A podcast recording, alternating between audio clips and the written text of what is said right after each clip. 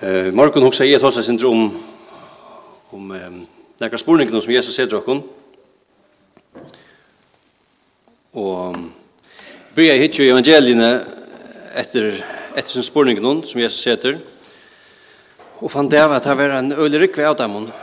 Og at jo mer man husker om disse spurningene her, jo mer finner man det av hvordan djuper der er. Um, vi skal stekke nekra av dem og jeg vet ikke om det suttja oppi her, så jeg er så ljøst inne. Men jeg håper, jeg har jeg var en rikve av skriftstøven som jeg også sier at jeg får lese opp, kom jeg hoppa sin rettur fram, så hvis det her var bøypene så hadde jeg så omgat det bedre, men jeg har tidsi de fleste versene opp av opphørspene. Men kanskje anker, kanskje det er etter studja ikke, men det kan slå seg opp. Nå, men det som honker sammen vi spurningen, det er svær, og vanlig er det at han han unge og ovidande som spyrir han eldra og vysa som så sverar. Og så er det jo eisne at, at uh, det meste av undervisning i det er gong fyrir seg. Um, men til øvd er å søkja vitan og søkja sværene til å lusta til spurningen. Og Jesus brukte dette, ser han ikke, han sette en ørgrunn av spurningen. Og ofta sværer han spurningen vi spurningen. Og er vel greier i det, og det som jeg får gjøre nå til er at jeg får teka um, og setningar bors ur samanhengen. Og ta man man endelig ikke grunta læresetningar av det. Men hinvein halvtid tepper vel til å teka år og spurningar bors ur samanhengen, og så seta spurningarna til, til mun sjolds, som en Ehm. Um, og det neste er at tar vi så leser evangelien om, om frasagner om Jesus og om folk som kom til hans herre, så er det alltid oppfattan at hesar skulle lese så mer enn bare frasakner om noe som hendte i første ølt, men eisen som noe som er relevant for meg i det, i enskjønne ølt. Og jeg husker selv om at her verset jeg begynner vi, at du år gods er livande og hever kraft og er kvassar i noe tvoi etkja svør. Derfor er djøkken til at kløyver, sal og anta, lir og merk, og dømer hoksaner og ra hjertans. Um, og Johannes 1 forteller dere næsten til at, at Jesus er årgods. Og så lest kjenner jeg disse spurningene Jesus er, er så kvasser og så rannsekende at her klikva med sunter og prika inn mot aller, aller innaste. Um, så så uh, introducerer Jesus spurningene men det fer leip jo i omkring dem her. Markus 11, 22 til 22 sier Jesus, eller så er sagt, så kom det til Jerusalem, og medan han gikk om i tempelen, kom høvsprestene og hun skriftlærd og eldte til hans herre. Der satte vi han. Vi hver jo myndleika gjerst du hetta. Etla hver hev givet her enda myndleika til å gjere hetta. Jesus sverre til heimun, Jeg skal spyrja tikkun om eit. Svære mer på det, så skal, så skal jeg sige tikkun vi får myndleika gjere hetta. Og hette det som jeg også, kanskje er hetta minster, um, som vi eier nøyta, og vi søker godt svær på akkurat spurningar. Det er sikkert nekv av okken som kunne hukse okken spurt god om god kvui er dette såleis, eller kvui løy du hesson, eller kvui er tingene såleis, og såleis, såleis. Jeg tykker vi aller fleste av okken litt av inne vi enn en øyne rikve spurningen. Men Jesus sier her, jeg skal spyrja tikkun, svær tid meg fyrst, så skal jeg, så skal jeg svære tikkun. Det vil si, han Jesus spyr først. Ehm um, og kanska ta vi hava og til spurningen til okkara, så finner du det av at, at okkara spurningar tar hava kanska minni a sige lykkavel. Ehm um, men jeg får så sige några tankar om disse spurningarna. Ehm um, Matteus 26, 26 trus, er så sier eller nu 24 blir det. Han kom nu vid det samma i til Jesus och säger vi säger Heile Rabbi och Kristian. Jesus säger vi han vinner kvärst och kommer här. Och tar stig der fram och lät hentra Jesus och tog han. Det heter Judas som som kom till han. Men jag også ända spårningen här. Vinner kvärst och kommer här. Och han spårningen kommer vid sig där. Och alt som er i där. Kvärst är vi här. Hvor är jeg kommer løtende morgen? Og Johannes 20, her sier Jesus vi kvinna som kommer ut til, til krøvene. Kvinna, hva græter du? Hva er leida du etter? Sint samme spårninger. Han setter uttøysel til en, til en kvinne vi grøvene. Men det kan spyr han samme vi, vi med her i morgen. Hva er leida du etter? Hvor er kom ned i løtene, hvor leita du etter. Og hvor leita vi etter? Hvor leita jeg etter? En av fremste visndafolkene i Seidjandi Ølt, det var en fransk matematiker som heter Blaise Pascal, som forresten var han som oppfann første rockmaskinene. Han sier at hvert menneske har et tomrum, en avgrunn og især, som bare kan være fyllt av god. Og en, en sættende bok sier at um, som, heter God-shaped hole bygger vi er at det er hotage. Jeg vil hava et hål i hjertet noen som er en trång til å bli fyllt av god. Og predikaren sier eisen til at, at predikaren tror at evna har han lagt i hjertet herre. Så det er det samme. Vi hava alt fra menn fra til vi er født, så har vi et hål i hjertet noen til må fyllast av en noen en evnlig um, en evnlig være gode. Og, og vi tar med Atlant Tostan, og, og mennesker leiter og leiter etter det som skal fylla tomleggene, men tar i håll i hjertan ikke blir fullt fyllt av gode, men så er andre råd at heka, og her tidsist uh, frastaren satan at heva goa dier, til om ikke anna kan fylla tomleggene, så kan han om ikke anna djeva menneskjon imes som kan døyva kjenslene av å være tom. Og Og det som kan døy vakken, det kan være det kan være rus eller rusevner, som Janine nesten nevnte Janne, at, at um, det kan være fellesskaper, det kan, syrja fyr, det kan være at syrja fyr at det konstanter er larmer og årek rundt om okken, så vi omgang til å få samle okken så mye at hukse om og høyre ekko av sin tomma rum i hjertan. Et kjempelig sitat som vi sa her fyrir sier, alcohol is not the answer, it just makes you forget the question. Det er nekka det samme, at hvis, i stedet for at jeg sværer spørningen og fyller hålet, ja, men lett dere som bare um, få menneskene til at ikke hukse om spørningen. Til de spørningene som vi nå setter, drønner sette fokus av. Sett fokus av spørningen. Hvor er du er? Hva vil du? Og jeg vil si han det for denne spurningene. Det døyver dere bare sånn, vi varnast ikke tomleggene. Og så glemmer vi den spørningen hver en leid av dette. Um, det er sånne sosiale millaner og færtelefoner okkar, at det er en fin anbåd til satan til akkurat dette. Kan ikke ha vist at nek mennesker klarer ikke at hosana seg, så er det lunge nu langer. Og tog vi det av gjørs okken sjolve, så bonden er vi skulle være an, alle tøyene, vi skulle atla tøyina, vi skulle atla som vi skulle vi skulle vi skulle Vi skulle få tøyender, vi skulle få, få bo fra vinnån, vi skulle vende oss vi, alle at var fåre og fåre og fåre, utan at skulle huske en kjølstå og en tanke selv. Vi slipper fra at, at jeg føler etter og lurer etter tomrummen og hjertan. um, og, og vi skulle bare skrolla ned etter og sette en tommel og skrolla hva gjøre. Og, og fylte en, en streim med opplysningen, og det gjør vi det resten løtt å avvarska.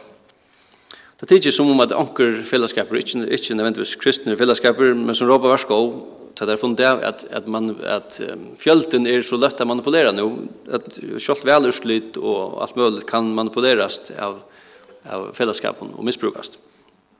Det er vi framme i bæg i samband med vel i USA og i Bretland. Um, Bogen uh, The Screwtape Letters, det er en av mine innspåkene, hon snur sig om brevaskiftet mellan tvär tvär jävlar. Här den äldre eh lägger in inkra lära hur ska få bildbukt vi en människa, en en klient som de kallar det. Och en av den äldre eh It's funny how mortals always picture us as putting things into their minds. In reality, our best work is done by keeping things out. Det er nøyt, det er nøyt at at køyra ting inn i okkar hødd, til, til Iva lest ber at halda, halda nekka spurningar ute ur okkar, fra okkar sinne, så finnast det. Vi er, sier han, Indeed, the safest road to hell is the gradual one, the gentle slope, soft underfoot, without sudden turnings, without milestones, without signposts. Your, affection, your affectionate uncle, Screwtape. Det er bogen handlar om, det er brevskiftet, ja. Men, men til at det samme, den tredje veveren til undergang, til ikke en, en knappe vever, han fer bare stille og råligt, utan at vi hukser om hva, hva er breit vi det. Men Jesus spyr, hverjon leida du etter? Om du ikke slett for årekvnen, og døyvingene av sansen, så kjenner du ganske slett ikke, ganske slett til hvordan tomleggen i hjertan råper. Og så leida du ganske slett ikke nøkker. Og det er just uh, tanngøten som Satan og hans herre fylgjesvenner innskje at vi, du skal genga. Og jeg var i alt som er her i morgen, jeg var svære som spurning for Jesus, hva leide du etter? Men så er næst spurninger. etter at du funderer at leide etter omkron, men Jesus uh, sier vi en, en mann, som sa, han sa litt, Johannes 5, vers 6, ta Jesus sa han litt her, og visste at han langt heile i sjukur lenga tog seg han vi han vil du være frusk Nassbrunninger, vil du være frusk Etter det er mest at omleggen men, men vil du gjerne ikke vite? vil du være frusk Ta gongen nok ivra som sjolvun kan, kan være svære til nekvun Naman herøvdinje, som vi minnes i gamla testamentet, han var Jeg synes jeg er vant om å be seg sjefer i Jordans, men jeg vil ikke bo om. Men han ville gjøres frusk. Han hei et størst, størst innskjum av å være frusk. Tog gjør han det. Det var, det var ikke logikker som gjør det til at han, at han skulle be seg skje for å gjøre det. Og så spurningen er reien, vil du være frusker? Han har spurningen av jeg finner ikke til jeg var unker. Og jeg svarer ja, og Jesus er god til at jeg ikke bostøy mer. Og jeg var vanlig at, at uh, de fleste inne her har svært det samme på denne spurningen for Jesus. Og jeg føler meg at hoppa vi til, til neste spørning. Jesus, han, han byrja i så, vi spyrja,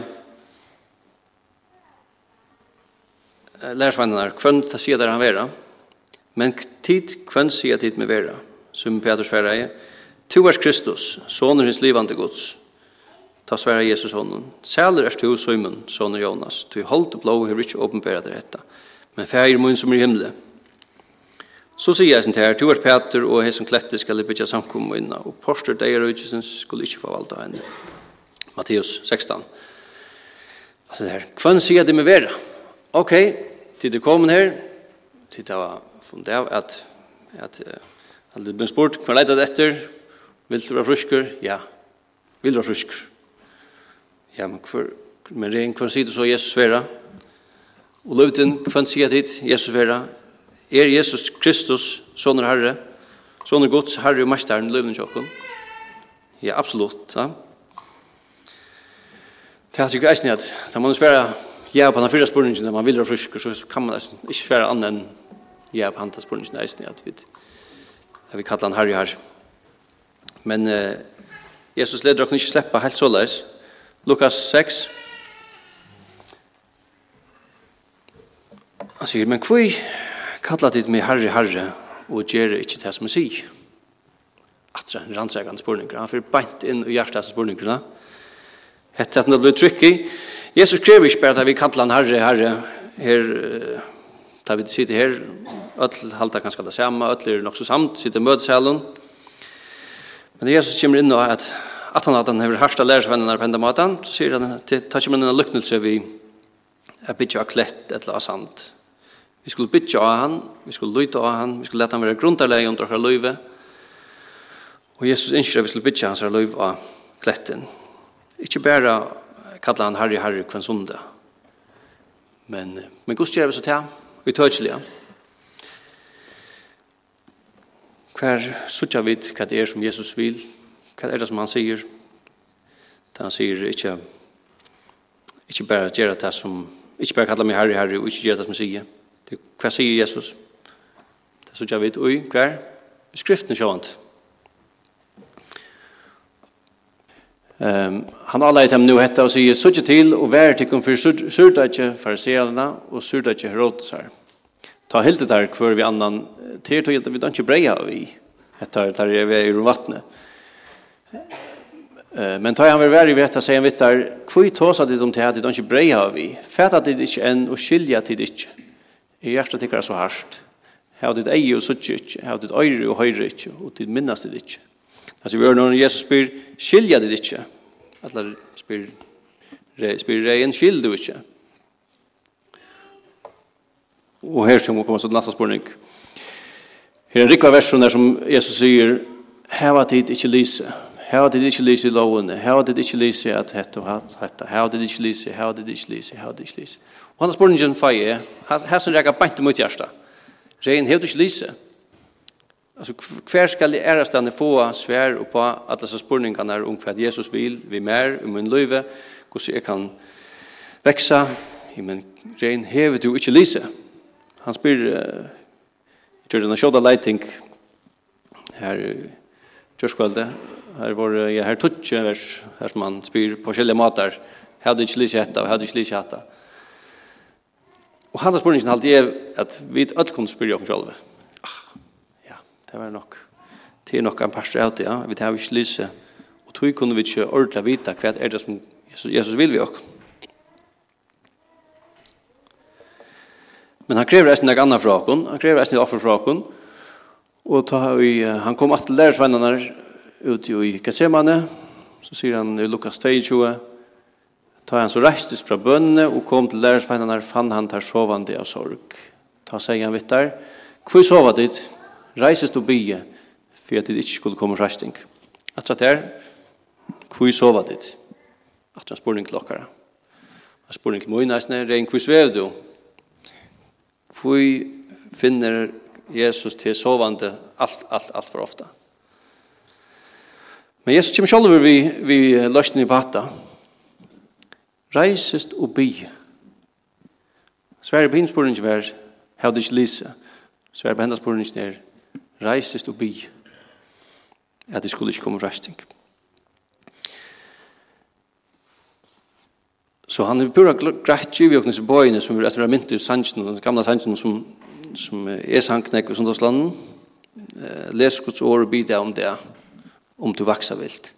Les Guds år og bidra det er, altså, så har du fett rett enda den. Um, men uh, praktiske kristendommer, han er en annen enn det, at helt fra byrjan hever, hever Jesus vilja at vi skulle hjelpe øren, og det er alltid eikjent etter vilja Kristus her, at han hjelpe øren. Men Jesus sier så, Matteus 6, døm ikkje, for jeg tid ikke skulle være dømt, tog vi domen og tid døma skuld tid være dømt. Og i malen og tid mala vi skal tikkum være målt. Hvor sørst du flysene og eia broverstøns? Det var hans spørning som jeg også sier særlig. Hvor sørst du flysene og eia broverstøns? Men vi er ikke værer vi bjølkene din ekne eia. Eller hvordan først du sagt vi brovertøyn, la meg teka flysene ur eia tøynen. Tusen sjølvegang vi bjølke eia noen. Hiklare tøynen. Tek fyrst bjølkene ut ur tøynen ekne eia, Og ta kanskje du sutja vel at teka flysene ut ur eia brorstens. Da vi skulle svære hese borings natter, så kom vi spyrja om nekka er nu er gale vi a hjelpa okkara nasta. At jeg slipper undan enn i årekvande flys. Men her stender jo heller ikke at vi er i fer vi a hjelpa. Vi standa bare peika et flysene. Og hetta alltid er eisne vera en erbjøring til okkon og vilja være arbeidsfolk og i vingar herrans. Vi sier Jesus vera herre okkara, og vi røyna gjør som han sier. Men genga vid hjelpa vi fløysun, fyrir at lumpa okkur sjálf til halda at ah, Bjolkin, han er nu kanskje kanskje kanskje galen korsene. Eller genga vid vi en katalogi i høttnun, er som vi av bølka sinter og i kategorier. Puha, gott er ikke så ring som hæsina, til at jeg, jeg gjør bare kategori fem sinter. Men hæsin kulleren, han er helt oppi av kategori 1 synden, det er så kjødl. Men det er akkurat her som Kjetan hoppar av tjokkene. Jesus sier at han sier jo slett ikke til at, at flysar teger rundt, flysar finnes, eller det er bare sitte. Eller vi gjør noe, at synd, den teger ødel, hatt det jo finnes ordan, let hatt det bare vi ordan. Det er slett ikke det som Jesus sier. Det er slett ikke, hadde det ikke en iverberende hukbor i for at vi skulle ignorera synd. Og det er just det som er så trobult vi som spurningen til Jesus.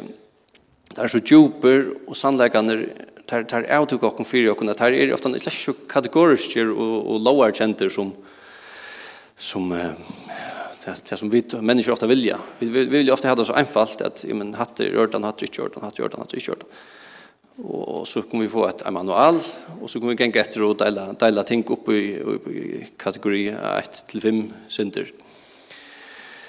Men det er jo akkurat detta som han avminner oss om att nämnt det släck själva sånn at det er praktiska kristendommer ska vara. Eh, vi skulle hjälpa öron och avminne akkurat nästar. Men det må ikke gjøres vi skriver om hjertet eller falskleika. Här som det har vi gjort för å oppheve oss själva til hikl, og god hætar hikl. Men Jesus, Jesus, hesten spurningen, han, han rører öden for meg, og han avminner meg, og så må jeg være rattur, og mine praktiske utinnan av, av vilja Jesus. Jeg vil rattur, til jeg taler om synd, og at døma ratt, så at neste man ikke blir fordømter, og tankar ikke snudjas inn til mer, så jeg kan si av meg sjolvan at jeg tar hæsen nu og dotten så synden her, Så kan jeg klappe meg av Ritsnån og si, ja, ja, nå må jeg få en virkjenning for meg selv, at jeg er så ikke døtt nesa syndene. Og, og til her, tar en form for hikl som, som Jesus tenker fra støv fra. Um, døme rett, eit en, en fralukke, når ikke sanker til å Um, han yrking til Ismaret. Ismar Johansen, er som senast Øren sier, tar er dølgar som einega skilja, og ei om menn og mannsversk døma vilja, men rattir menn tar nevna alt vi fint, tar nevna dikt som dikt, og synd som synd. Ja, synd er synd, og vi skulle samstånds være være med dette i hyklare grøvna som Jesus avværer oss mot, og bæra tøy at ånder synda ørvelse enn vi sjølv. Så vi fer atter til minste til Jesus, sværa først hans av spurningen, og er vi spyrir han. Og i stedet for å spyrir Jesus, gjer hette eller hatta firme, eller kvui gjerst du hetta, så rannsaka det sjølvan vi spurningen, hva vil du rein? Skil du hva det har gjort for deg regn. Hva er det du hukser regn? Hva er leita du etter regn? Hva sier du med vera regn? Hei du ikke lise regn? Hva svever du? Reis deg opp i by. Hva er du flysene? En rikva spurningun og Og ta i av grunn av disse spurningene her, ta henter akkurat det som eh, det er gusser parsvus, og ta prosessen er gusser gongt, som Susanna var inne i begynnelsen, ta er det kompa vi rattar. Ta er det vi kommer at at sätta fokus på grundarläge eh för min spårning at att det kanske slett inte är det viktigaste spårningarna. Viktigaste vart her som Jesus sett til lock. Og det her som fär inom det huvudna där klickva så halv anta lir og mörk och döma huxaner og rajastans. Og detta var bara en några helt fyra spårningar som Jesus spyr i evangelion. Det er en ørgrunn at seg at folk bara myndna hade hade hade sjönt till Jesus hade hade Lord Kitchener hade bara hade bara brukt den där en där plakat under förra hemspartiet om här som det skulle av liksom minna folk jag melda till till herren och så liksom tom pekefinger ständer ut efter det. Men jag också den mynden är akkurat det. Vi nu kvar så kom ni här. Kvar grætet du kvar leidet du etter? Vill du vara frisk? Kvar sier det med vera. Alla spurningarna här som som vi peitsvingeren kan fære beint etter åkken ætlund med i morgen.